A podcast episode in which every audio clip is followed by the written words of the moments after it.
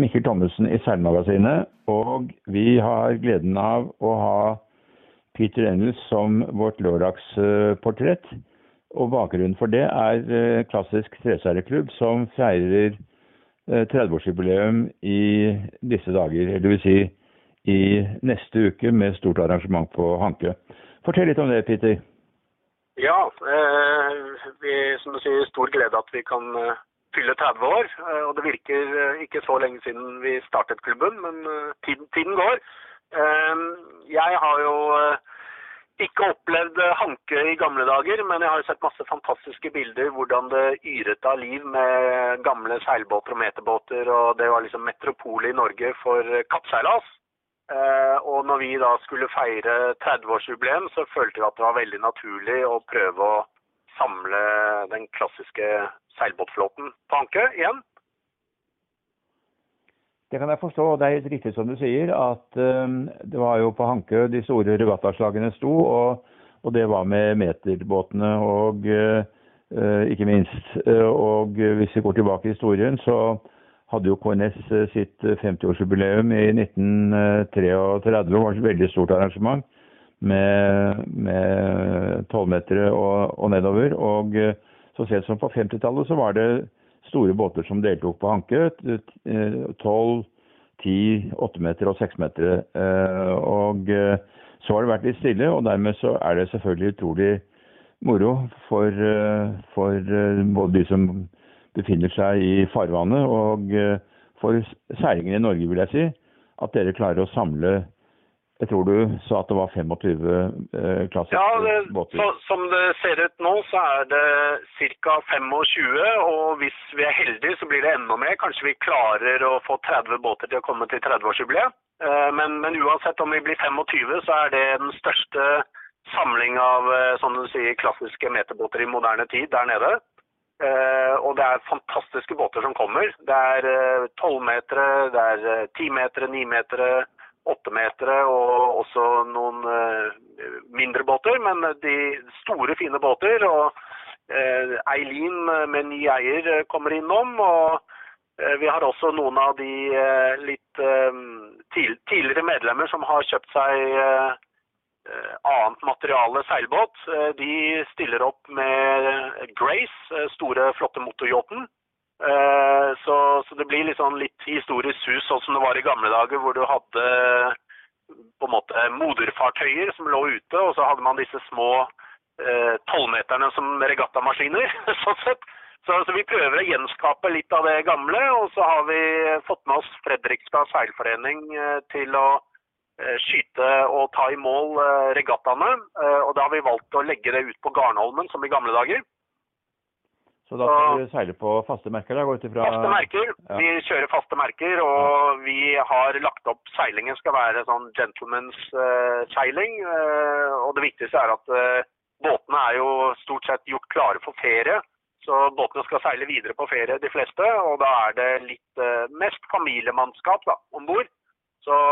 Men vi skal ut av kappseilaser. og det som er morsomt, er at du nevnte dette med jubileet i 1933 så var det tilfeldig at noen i KTK så at uh, Blomkvist uh, auksjonerte bort en stor KNS-pokal uh, som nå klubben har klart å kjøpe. Og det var Sandemann-pokalen. denne sprit- eller portvinsleverandør. som satte opp en svær pokal på 40 cm til jubileumsregattaen i 1933. Og Den har vi da klart å kjøpe, og det blir hovedpremien da til eh, vårt 30-årsjubileum. Eh, blir det da til eh, beste båt på korrigert tid innen en klasse? Eh, det, det, vi, vi, regner med at vi kommer til å seile i to klasser. Eh, og så kommer vi til å bestemme første kvelden hvordan, hvem, hvem, som skal vinne denne i år. da. Så om, som du sier, om det blir en total uh, korrigert tid, eller om vi bare bestemmer at det enten blir den minste klassens vinner som får den, eller store klassens vinner. Vi, vi skal, det skal vi diskutere, da.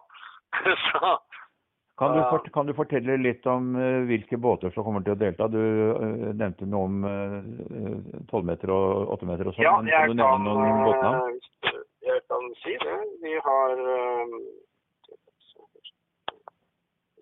av de eh, båtene som eh, foreløpig har 100% bekreftet at de kommer, så er det 12-meteren kryss.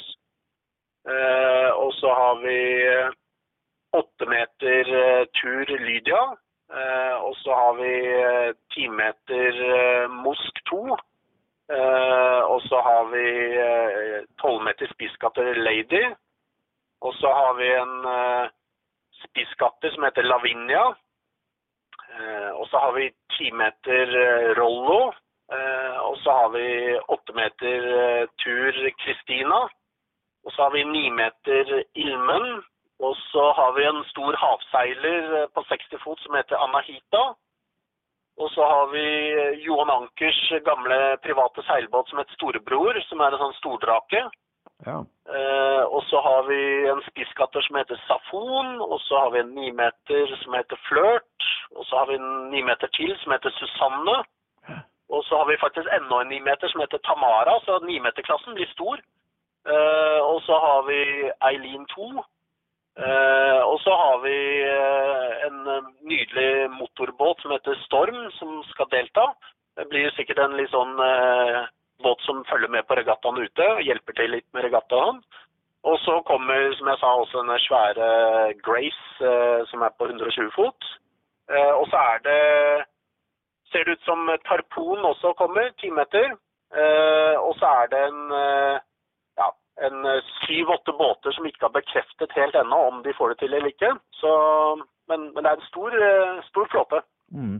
Men jeg savner jo noen navn der. Det er blant annet Vema og uh, Vema er ikke kommet til Norge i år, så den ligger på verftet på Orus pga. korona. Så har okay. ikke de bestemt å ta den ut. Uh, så det er litt synd at ikke ja. den kommer opp. Men tolvmeterne fra Sandefjord, da? De står også på land pga. korona. Så har Sissener besluttet å ha båtene på land i år. Eh, så det er veldig synd, da, men han tar vare på de og har folk som vanner de inne i hallen, men de er ikke under seil i år. Og det gjelder 15-meteren? Uh, ja, det gjelder alle, alle, alle, båtene hans. så Det er både 8 meter, og 15 meter og 12 meter. Mm. Ja, Det er veldig synd. Men de 8-meterne ja. som seiler da, Sira, If og Wanda? Ja, de, de, har, eh, de, har, dessverre de har hatt en treningsseilas, men denne helgen passet det dårlig for dem. Men Wanda prøver å komme, da. Akkurat. Det blir veldig, veldig bra. Uh, og så skal vi ha en sånn uh, veldig sånn publikumsvennlig arrangement på lørdag. Uh, og det er uh, klokken 11, så hvis folk som enten er på hytta eller er i båt og har lyst til å se, så skal vi ha en sånn Round Island race. det blir en parade rundt Hankø. Vi har ikke bestemt hvilken retning vi går, for det tar vi litt i forhold til vindretningen. Men vi starter på Hanke Yachtklubb klokken 11. Og så kommer denne svære motorbåten Grace til å lede an eh, paraden. Eh, og så skal vi da gå rundt øya. Og da skal eh, i hvert fall båteierne oppfordret til å ha på tidsriktige antrekk. Og så er det valgfritt om man vil seile eller ha seil og motor, eller bare motor. Men det blir en sånn artig liten publikumsgreie som vi gjør da på, på lørdagen. Det høres så veldig, høres veldig spennende ut, og utrolig flott for publikum å se disse fine båtene. Uh, ja. Peter, du har jo vært en sentral person i hele KTKs historie, og uh, du er faktisk formann også nå i, i jubileumsåret. Fortell litt om uh, utviklingen med KTK, hvorfor klubben kom i gang, og hva dere har fått til i disse årene? Ja, jeg, det var som du sier, jeg var jo ganske ung. Jeg var 15 år gammel når jeg kjøpte en stor timeter eh, som vrak. Eh, og hadde før det faktisk også holdt på med noen mindre både motorbåter og seilbåter. Eh, men jeg skjønte jo når jeg kjøpte denne store timeteren som lå på Lysaker eh, i veldig dårlig stand, eh, så, så, skjønte jeg at jeg måtte få litt eh, input fra noen som hadde drevet med noe tilsvarende. Eh, og da begynte jeg å ta litt kontakt med andre som eide sånne båter. Eh, og, og da på en måte fant jeg ut naturlig Man hadde jo ikke sånn moderne kommunikasjon som i dag, men eh, man, man dro litt rundt. Men da ble jeg kjent med flere båteiere av disse klassiske båtene. Og så spurte jeg faktisk da eh, om det fantes en klubb eller om det var noe miljø liksom, for dette her. Og så sa de liksom at nei, det var liksom, man kjente hverandre, men det var ingen organisert. Eh, og da tok jeg initiativ eh, til å stifte da Klassisk treseilerklubb eh, i 1990. Eh, og da hadde vi stiftelsesmøte på, på Dronningen. Og da var vi vel en fire, fire stykker til stede. Så det var en liten begynnelse. Men, men så ganske fort, første samling vi organiserte, så var vi en ca. 20 båter i Sandsbollen i eh, 1990.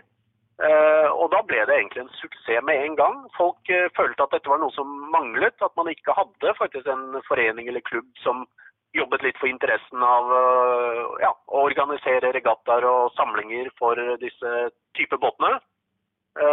Så det ble da etablert litt formelt et styre og sånne ting. Og etter hvert så, så vokste jo denne foreningen veldig. Og jeg tror allerede etter første året så var vi eh, opp mot eh, ja, 80-90 medlemmer. Eh, og så fant vi ut etter hvert at vi hadde lyst til å lage et lite medlemsblad som vi kalte Klassiske linjer. Fordi vi fant ut det er jo så utrolig mye spennende stoff som knytter seg til disse objektene, eller båtene. Og da var jeg veldig heldig at min far var sentral person, for han elsker å grave historie og sånne ting. Han er ingen stor seiler, men uh, han er flink til å skrive, så han tok litt uh, stafettpinnen på dette med å, å jobbe med dette bladet. Så etter hvert så hadde vi faktisk to utgivelser i året uh, med dette bladet. Og også veldig nært samarbeid med daværende Seilas. Så vi på en måte samkjørte litt skriving der, og vi fikk hjelp fra dere også til mye. Eh, og så, ja, så, så ble det større og større, og faktisk på det meste så tror jeg vi hadde 350 medlemmer på 90-tallet. Eh, Så foreningen, det var masse medlemmer som ikke hadde båt òg, det ble ganske stort. Eh, Og vi hadde mye hyggelige samlinger de første årene, ofte i Vollen på historisk grunn, og hadde et samarbeid mot Kreditkassen som hadde Lillehaugen, Johan Akers gamle hjem, så vi hadde mye artig der. Eh, Og så knyttet vi også etter hvert eh, med foreningen bånd til eh, tilsvarende klubber i utlandet. Og da i år 2000 så arrangerte vi da et første europauke i Norge. Og da var det 120 båter fra jeg tror det var 11 nasjoner som deltok. Eh, Så da, og også en del av medlemmene våre dro ned og seilte regattaer både i England og i Tyskland. Og vi liksom fikk en forbrødring med disse søsterklubbene i andre land. Og så har vi eh, de senere årene holdt på ja, med ja, Klubben har ikke vokst de senere årene. Ikke sant? Det er eh, tidstyven med mobiltelefoner og, og Facebook og sånne ting har gjort at eh, folk eh, Mange er opptatt. eh, Men vi har klart å opprettholde en sånn kjerne med 15-20 båter type på samlinger. Og, en større sant, medlemsmasse på kanskje rundt 100 stykker. Men det er jo flere selvfølgelig båter rundt omkring.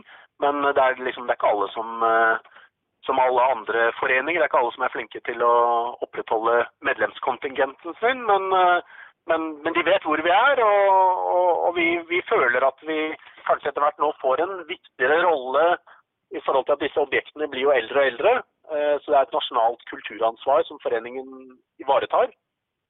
Så Ja, du har vært veldig opptatt av særlig to saker med det. Det ene er å få brakt eh, gamle båter som har eh, norsk historie til, eh, og som nå er i utlandet, få dem tilbake igjen til Norge.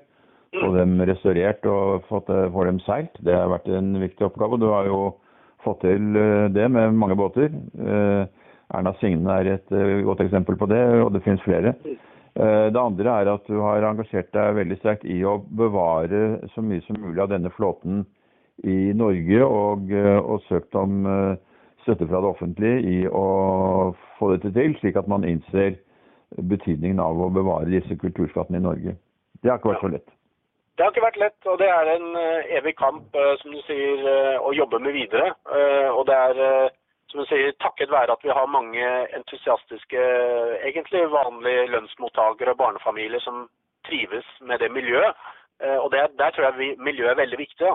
For Det er jo ikke komfort å seile en eh, stor, klassisk seilbåt. Det er ganske primitivt.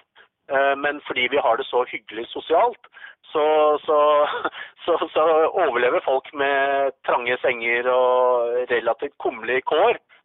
Og vi er liksom Ja, vi er vel en, mange båter nå som skal også samseile i sommer. Og det har det er et veldig bra miljø, da. Eh, og da klarer man det meste. Eh, men det er klart at som du sier, vi, det vi må jobbe med videre, det er jo å bevisstgjøre politikere og myndigheter at eh, disse objektene, i hvert fall en del av de, er noe som er nasjonale ikoner og må tas vare på. Da. Så offentlige midler bør også komme etter hvert til litt større restaureringer av disse objektene når det trengs. Ja, og så hadde du jo en plan om en mekanisme for å hindre salg til utlandet. Det var sikkert ikke så lett å få til, eh, og blir det nok heller ikke. Men, eh, men, det er jo, som du sier, viktig. Det som vi har sett eh, også med enkelte av disse båtene, er jo at de blir tatt i vare på som, som, smykker, og at båteierne bruker jo all sin tid og, og mye penger og krefter på å, å, holde de båtene så nydelige som mulig, og det er ikke lite. Så, så, det er jo noen vanvittig flotte båter som seiler rundt der. Ja, vi har, jeg vil faktisk påstå at uh, det vi har igjen av uh, flåte her i Norge i dag, er blant de flotteste i verden. Nivå og standard. og Blant de båtene som kommer nå på Hanke, så er, hvis du tenker over det, så er det mange av de som er da eller Flesteparten av de er jo faktisk over 80 år, og noen av de har eh, passert 100 år. Og de ser jo nesten ut som de hadde blitt levert fra verftet i går. Så det er helt unikt sånn sett. Mm. Det er jo interessant å se hvordan eh, disse gamle trebåtene kommer til heder og verdighet også som regattabåter. Og eh, hvis du ser på seksmeterklassen, eh, ja åttemeterklassen også, så er jo det klasser som faktisk er i vekst fordi man samler båter i forskjellige områder. I Finland har man jo vært veldig dyktig på å samle klassiske seksmetere og åttemetere, og, og, det er jo noen fem og en halv meter også. I, um, i Middelhavet så har man jo da uh, sine båter som kanskje er gjerne noe større enn eldre båter, gaffelriggete osv. Um, og i Tyskland er det et uh, voksende miljø.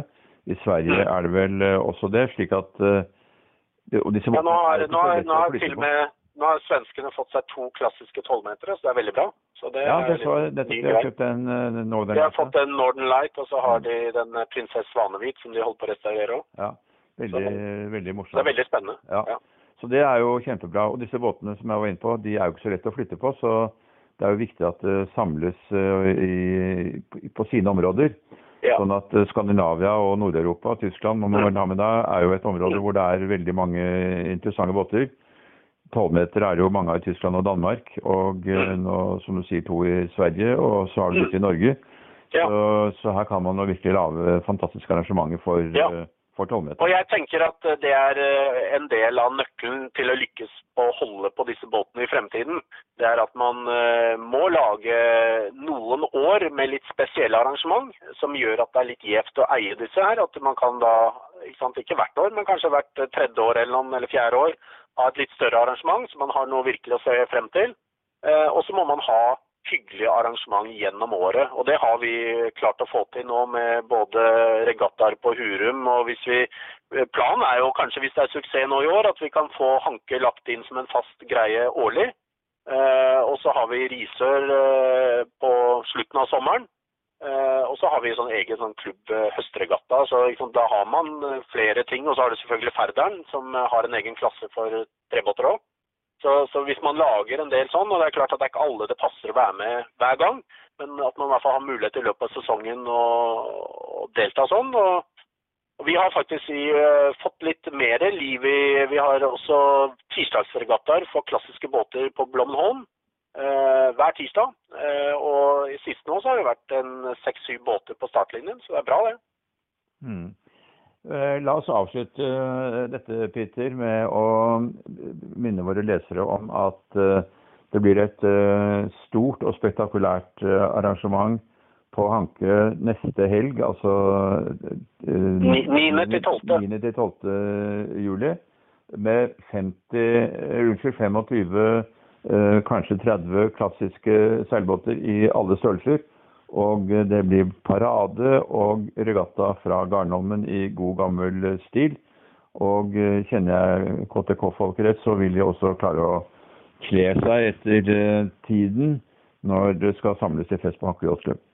Og hvis det er noen der ute som har en, eh, enten en klassisk fin motorbåt, eller, har, eller en snekke, eller en seilbåt eh, som ikke er medlem, så er de selvfølgelig hjertelig velkommen til å ta kontakt. Så kan de være med på denne båtparaden rundt eh, Hankø. Eh, og det er det klokken 11 på lørdag. Så bare tar de kontakt med oss. Veldig fint. Lykke til med Ja. arrangementet og mye Ja, tusen takk. God sommer. Takk i like måte. Hei. Hei.